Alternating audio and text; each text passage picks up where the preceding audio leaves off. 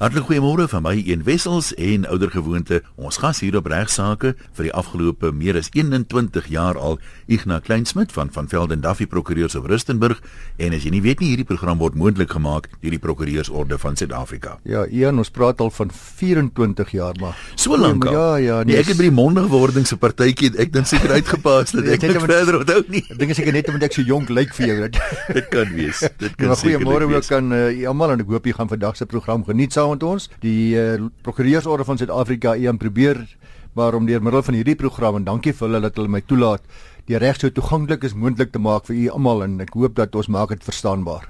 Ja, ek weet sê dis nie aldag maklik om om moeilike begrippe wat mense baie keer 'n bietjie agtergrond nodig, maar ek dink jy vaar heel goed anders sou ons jou al vervang het. baie dankie Jan.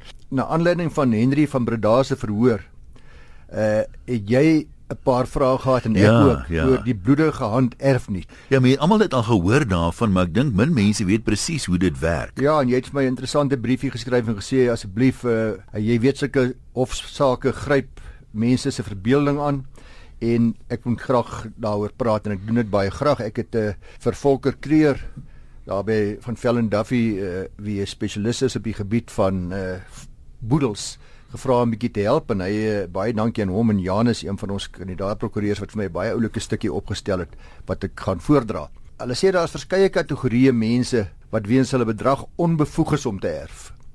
Onder hierdie kategorieë val 'n persoon wat die dood van die oorledene of sy conjunctivisme veroorsaak het. In ander woorde, as jy sê conjunctivisme, baie mooi woord, maar net wat verwys na die testatuur se naasverwante, naamlik sy gade, sy ouers en sy kinders. Nie net sy bloedverwante nie, maar al in sy naasverwante. Die bloedige handstelreël is 'n gemeenregtelike beginsel wat uitdrukking vind in die Romeins-Hollandse regtelike spreek: "De bloedige hand neem geen erf." Dit beteken maar soos ek gesê het dat geen erfenis kan opgeneem word deur iemand met bloed aan die hande nie. Die beginsel word gebore daaruit dat 'n persoon onbevoeg is om voordeel uit sy eie onregmatige handelinge te trek. So ek kan nie gaan dinge doen en dan as gevolg daarvan gaan ek kry ek voordeel nie. En daar's baie hofsaake daaroor wat hulle vir my hierso aantoon wat ek nie die luisteraars gaan mee vermoei nie, maar die bloedige aanstelreël is van toepassing waar die oorledene opsetlik gedood is. Nie nalatig nie, maar opsetlik alhoewel dis ook al toegepas. Snaaks genoeg waar slegs nalatigheid bevind is. So byvoorbeeld het die man in die Keisie saak. Dit is 'n uh, Keisie teen die meester in 1992 saak daar in Natal. Per ongeluk sy vrou geskiet terwyl hy sy geweer gehanteer het. En tog is hy onbevoeg deur die hof verklaar om te erf ten spyte daarvan dat hy slegs skuldig bevind is aan strafbare manslag en nie aan moord nie. So dit lyk as jy mooi na hierdie hofsaake almal gaan kyk of 'n sekere graad van nalatigheid met verwytbare optrede.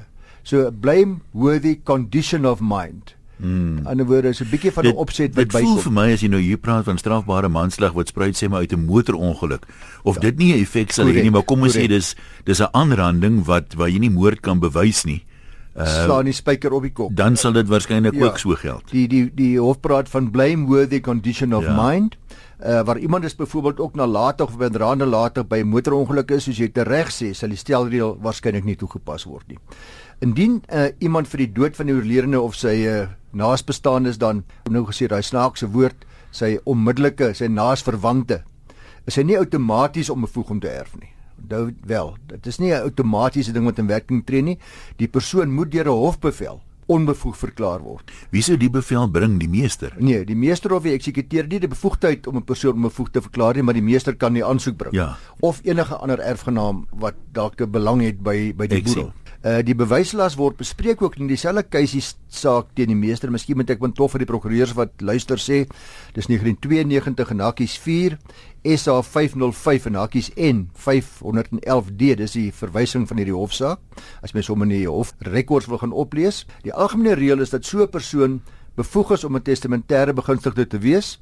Daarom drus die bewyslas dus op die party wat beweer dat die party onbevoeg is om so begunstigde te wees. 'n Strafregtelike skuldbevinding is nie 'n voorvereiste vir onbevoegdheid nie. So ek hoef nie skuldig te bevind word aan moord of wat ek nogal om te sê dat dan is dit 'n siviele aangeleentheid. Is nie 'n strafregtelike aangeleentheid nie.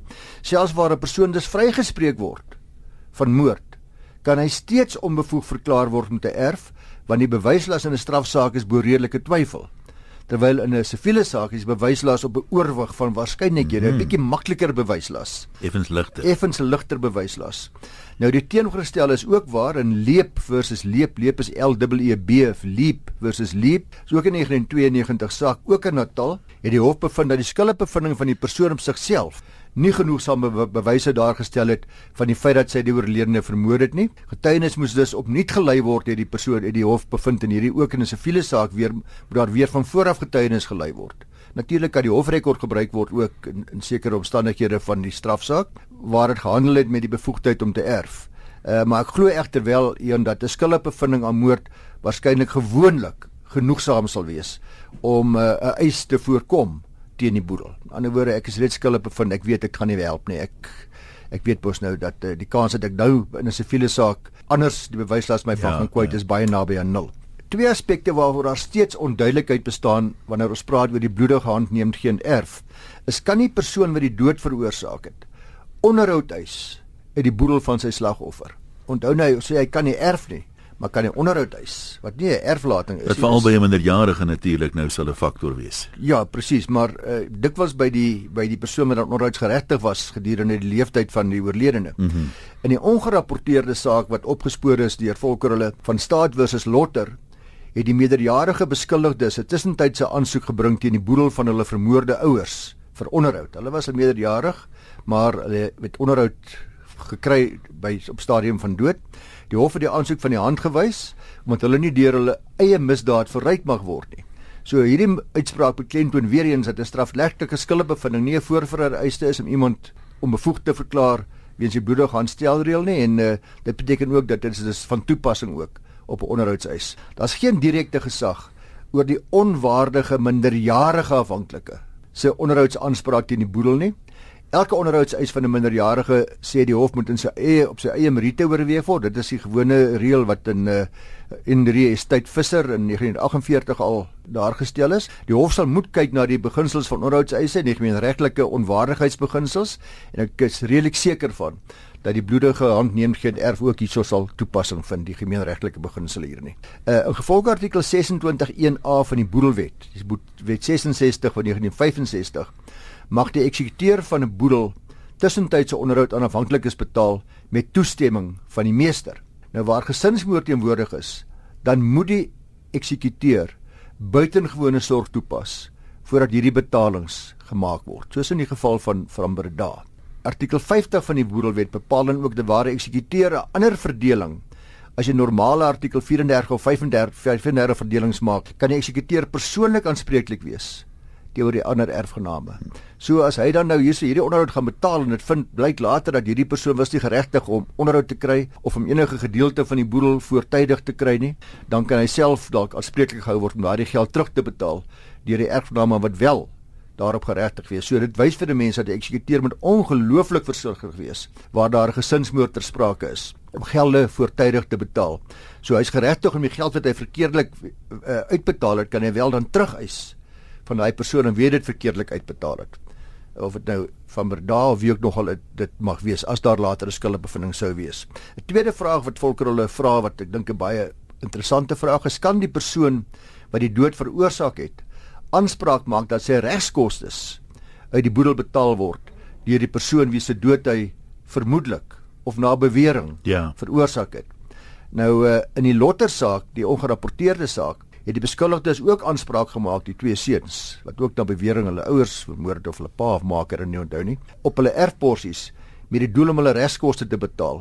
Hulle regsdienwoordiger het aangevoer dat hulle onskuldig is totdat skuld bewys is soos wat bes altyd nog sê, maar soos reeds bespreek is 'n skuldbevinding nie 'n vereiste vir die onwaardigheid in die praat werklik in die praat privaat regtelike sin om te kan erf nie of te kan voordeel kry nie. Die hof het die aansoek van die hand gewys omdat hulle soos die hof gesê het onbevoeg is om te erf op daardie stadium terwyl daar vermoede is of redelike gronde is en uh hangende die hofsaak of die skuldbevinding of onskuldbevinding het die hof bevind hulle kan nie voordeel trek hulle kan ook dan hulle regskoste uit die boedel uit kry nie. Nou weer eens dieselfde met regskoste dieselfde met onderhoud die eksekuteur sal 'n groot risiko loop. As hy enige gelde wat insluit regskoste net soos onderhoud of net soos 'n voort uh, uh, erfporsie 'n deelte wat vooruitbetaal word, groot risiko's loop om met sy eie sakke te betaal as dit later sou blyk dat daar 'n skuldbevinding is. En kyk, daar's 'n wesenlike kans regskoste is duur, hierdie sake duur gewoonlik lank ja. dat dit kan 'n boedel uitput.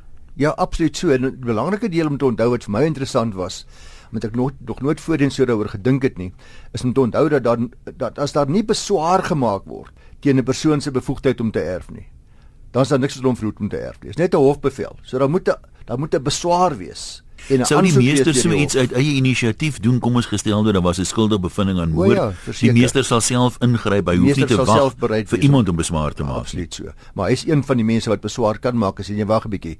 Hier is iets wat my pla. Of die eksekuteur natuurlik self kan ook die hof nader. Uh, as daar druk op hom uitgeoefen word uh, om te sê wie wat betaal uit of en gewoonlik sal daardie persoon wat dan die druk uitoefen die eksekuteur Eh, eers in die meester toe gaan of direk hof toe gaan en 'n bevel vra dat hy of sy die die geld mag kry, die reskoste mag kry of die of die onderhoud wat ook nog dit mag wees en dis sal dan die hof die laaste sê gee. So die eksekuteur sal in die normale omstandighede dink ek sal hy vir die persoon sê ek gaan nie, maar vat my hof toe. Ja, dit 'n be be ja. beslissing kry daaroor. Korrek. Prakties gesproke sal dit meestal gebeur dat die die boedel eers finaal afgehandel word na uitspraak in so 'n saak as daar 'n hangende moordsaak is. Ek ja. neem aan dit dit kan nie eintlik afgehandel word voor daar 'n besluit geneem is dan nee, of die bloedige hand van toepassing is of nie. Ja, en soos die gewone boedel werk natuurlik word daar 'n liquidasie en distribusie rekening opgestel wat ek reg is moet hy vir 21 dae of so iets hele klompie dae ter insaal lê uh, by die hof en by die kantoor van die eksekuteur en dan daardie tyd kan enige beswaar nog gemaak word. En op daardie laat stadium, op daardie stadium sal die sal die beswaar dan natuurlik nou gemaak word deur die persoon wat sê nee wag, daai persoon het 'n bloedige hand of hy kan moontlik hand hê, daar's 'n hangende hofsaak en dan sal die eksekuteur normaalweg die hele bereddering van daardie boedel oorhou totdat die saak afhandel is. As jy nou net ingeskakel het, jy's by regsaake saam met my een wessels en Ignas Kleinsmid. Een ek het 'n uh, 'n leuke skrywe gekry van 'n Otto. Sy naam is Otto van uh Clarence. Ek lê af sy voornaam is Otto, nie sy van nie. Hy sê dinge sal interessant wees vir luisteraars om te weet dat dit 'n kriminele oortreding is in Duitsland om, om sonder petrol te gaan staan. Wel hier lê dit net tot egskeiding. hy sê gelukkig het hulle sy boete gekanselleer toe hulle sy Suid-Afrikaanse paspoort sien. Hy sê hy het onkundig gepleit. Nou uh, ek het al gehoor dat dit so is, maar blykbaar net op die groot hoofweg, die sogenaamde autobahns. Ja. Uh dat dit wel 'n oortreding is, maar net ook waar hy sê dat hy onkundig gepleit het en hy daarom vergewe is. Ek moet net sê dat in Duitsland net soos in Suid-Afrika is onkunde van die reg nie 'n verskoning nie. Dit was so, nou maar menslikheid van die beamptes waarskynlik. Dis maar die mense, hulle het jou maar jammer gekry en gedink ag, waar die arme Suid-Afrikaner lyk daarom nou regtig of hy daarom jammer is en nie geweet het nie. Maar normaalweg selfs al pleit jy jy het nie geweet nie sal 'n hof jou kan skuldig bevind en ook in 'n ander land uh, omdat onkunde van die reg ook in Duitsland geen verskoning is net soos in Suid-Afrika nie. Dis altyd maar 'n gesukkel met toeriste. Ek onthou, ons het op Stellenbosch eendag 'n Franse dame gehad. Jy weet Franse praat nie sommer Engels nie. Ja. En om met haar te kommunikeer, ons moes iemand wat Frans doseer by die universiteit kry en dit was ook 'n hele deur mekaar speel. Sy het nie lekker verstaan van verkeersreëls en goed nie. En uit 'n praktiese oogpunt uit, jy weet, ek weet ons het daartoe nou maar laat gaan en weet net gesê weet dit werk nou so moet dit nie weer doen nie. Maar om aan te gaan met 'n vervolging jy weet en jy weet dit ek dink dis slegte publisiteit in 'n sin vir 'n land ook as dit nou nie doodsake is nie. Ja as jy wel van doodsake praat ek het 'n vriend ja ek ek ken iemand. Wat sê dat hy as hy gevang word deur 'n verkeerskonstabel dan sê altyd dis 'n pad te sy ma se begrafnis toe of sy pa se begrafnis toe. Dis 'n nou bietjie sekerig en hy sê hy kom altyd daarmee weg. So uh, dis well, nou daar's meer taktiek. Ek wil nou nie mense slim maak nie, maar ek het weer 'n kennis, nie 'n vriend nie. kennis. Hy maak weer asof hy Chinese of een of ander taal praat. Hy maak net 'n hmm. klomp geluide. Ja. As hy speedkoop nou vir hom sê nee, jy te vinnig ry. Hy sê ja ja ja. ja. Jy ja. weet nou by ou en dan sê hulle nee, laat die malner maar gaan ek het die mooiste ou storieetjie oor my uh, skoonpa een wat uh, al oorlede is, en Jaap Wilkens. Uh, hy het gehaat om 'n veiligheidsgordel aan te sit wanneer hy bestuur. En hy sê eendag vir ons vertel ek my skoonma vir ons vertel hy word toe voorgekeer deur 'n verkeerskonstabel naby Klersdorp wat vir hom toe dan stop en sê meneer, waar is jou veiligheidsgordel? Toe sê man, ek ongelukkig nie 'n veilig ek kan ek kan dit nie dra nie want ek ly aan kleptomania. plaas toe nou van claustrofobia. En my ma sê sy stamp stamp so om my skoonma sê skat skat my sê intussen sê die skoolvriendskap meneer volgende keer moet jy dokter sertifikaat bring asseblief. Nee, ook al jy, weet tevrede. Maar in elk geval daar's baie ander lawwe voorbeelde of absurde wetgewing of uh, bizarre wetgewing in verskillende lande. Ek het ruk terug in 'n program daarop gewys 'n paar jaar gelede dink ek al dat dit inderdaad 'n statutêre oortreding is uh, in Suid-Afrika vir passasiers in 'n motorvoertuig om sterk drank te gebruik. Ander bras sit jy agter in die motor of uh, die passasiers se plek. Dis baie algemene vakansietye, né? Korrek, dis 'n kriminele oortreding. Veral op pad na popkonserte of uh, so iets toe. In 'n gesofistikeerde eerste wêreldleierland, soos die Verenigde State byvoorbeeld, is daar nog 'n reël dat vroue in Kalifornië nie 'n dressing gown of 'n house coat mag dra terwyl hulle bestuur nie. Dis maar net wetgewing want natuurlik nooit weer geskraap is nie, net so deurgegaan dat elke keer. Ja, ek dink op Stellenbosch mag jy ook nog nie 'n perd in Birdstraat voer nie. ja, daai tipe van dinge. in Alabama word weer gesê dat dit onwettig is om te bestuur terwyl jy geblinddoek is. Nee. Nou kan jy nou dink dat daar op 'n stadium mense is wat geblinddoek bestuur het. In Switserland mag jy motor nie op 'n Sondag was nie. So so bepaalde so definitiewe bepaling is 'n wet waarskynlik nou niks vir my spesifiek omdat die Switsers is nie of jy wat noem jy hulle is nie bekend as 'n verskriklik Christelike nasie dat dit nou is die sewende dag is 'n rusdag en jy weet hulle is nie ja. hulle is nie bekend vir baie Christelik wees daar nie Ja, absoluut. Dit maar so dis 'n ander rede. As jy weet, en dit is waarskynlik baie van die wette is net nooit gewysig nie dink ek of of dit is nou net goed hmm. tyd gewees of of nodig gewees om dit skrap nie. Die wortels daarvan kan ook iets wees soos jy weet rusverstoring as jy nou Sondagmiddag bietjie wil skuins lê en hier spuite ou nou 'n kar af buite. Ek weet nie ek raai maar. In die wortels van die volgende wet kom sê nog in die wille wille weste daar van die FSA waar daar's nog bepaling dat uh, op nasionale paaie daar nie wild geskiet mag word uit 'n bewegende voertuig nie. Nou kan jy nou dink nê, uh, in Milford in Massachusetts is daar 'n regulasie wat bepaal dat dit onwettig is om deur iemand se motorvenster te loer. So jy kan nie in iemand se kar inloer nie.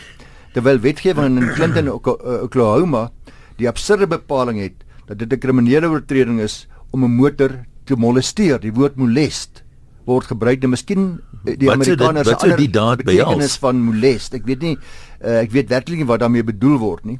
Maar ek dink 'n oortreding wat soms groot pret vir sekere ongepoetste bestuurders is naamlik om by iemand verby te ry en dit het my al woedend gemaak in Suid-Afrika as mense dit sien. Uh veral omdat dit soms rassistiese ondertone het. Iemand verby te ry en dan water of modder op so 'n persoon te spat.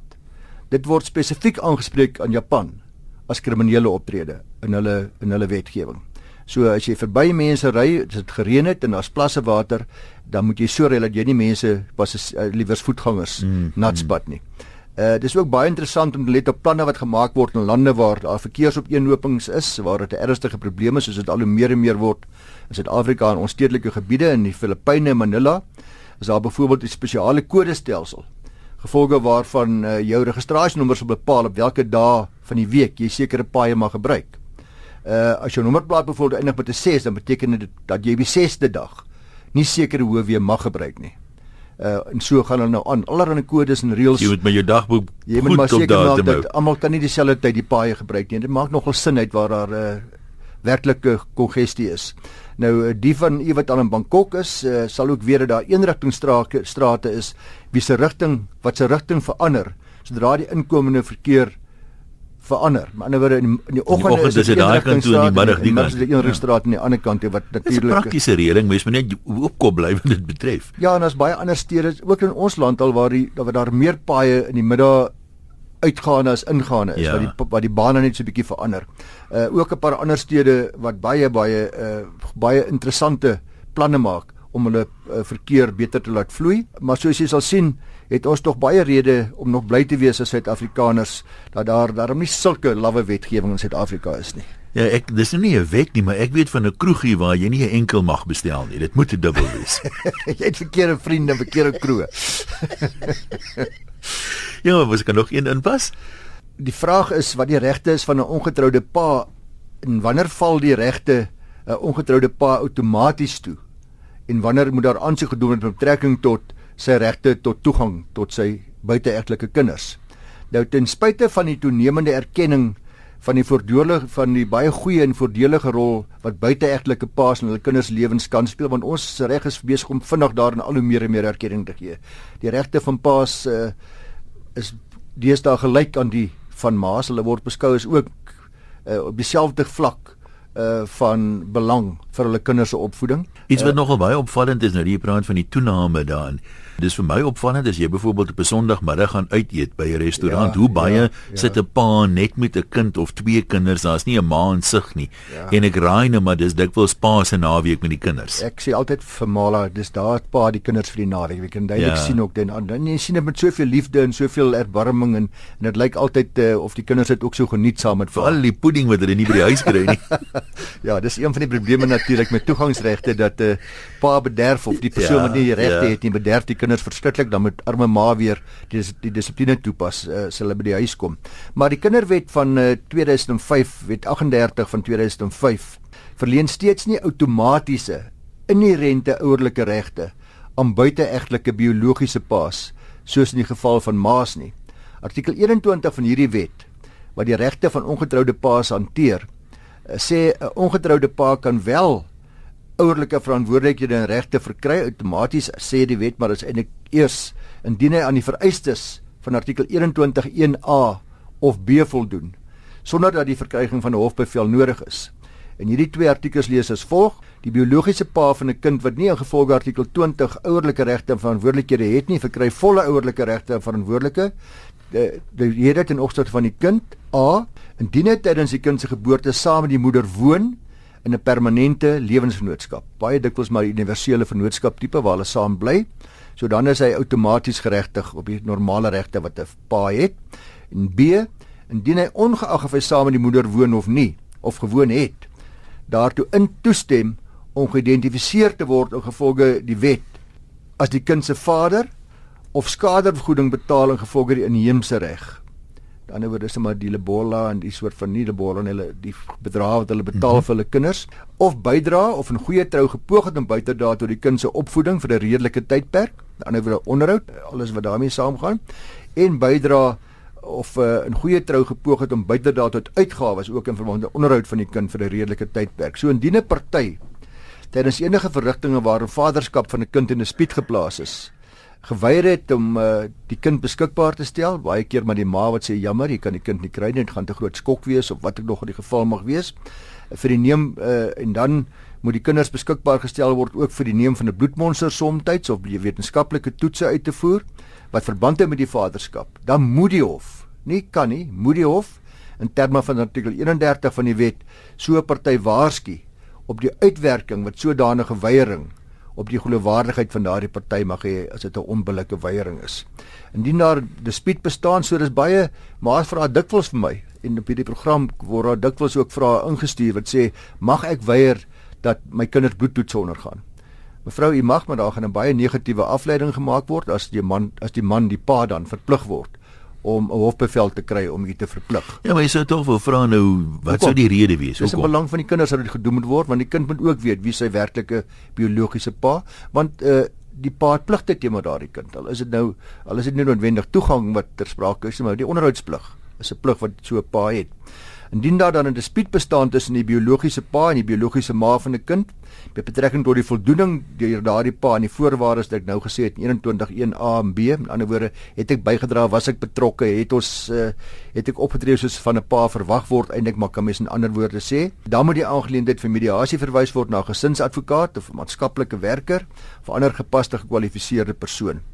Nou in die ongerapporteerde saak van Botha versus Dreyer, die hof bevind dat dit nie nodig is dat die beste belang van die kindstandaard noodwendig toegepas word voordat die regte ingevolge artikel 21 aan 'n ongetroude pa toegeken word. Dit beteken dood eenvoudig as daar in artikel 21 A of B voldoen word, dan kry die pa die regte. Dis wat hierdie saak sê. Ek dink dat uh, dis 'n ongetoetste saak deur uh, deur die appelhof en ek het te vermoed dat die beste belang van die kind maar altyd uh, vooropgestel sal word wanneer 'n besluit gemaak word word oor hoe die regte in belang van die kinders uitgevoer moet word. Dis ongelukkig alwaar vir ons vandag aan tyd hê. As jy vrae het wat jy wil hê nou moet bespreek, kan jy dit vir hom direk stuur na igna@ffd.co.za. Dankie dat jy geluister het na regsaake. Ons is volgende maandag terug.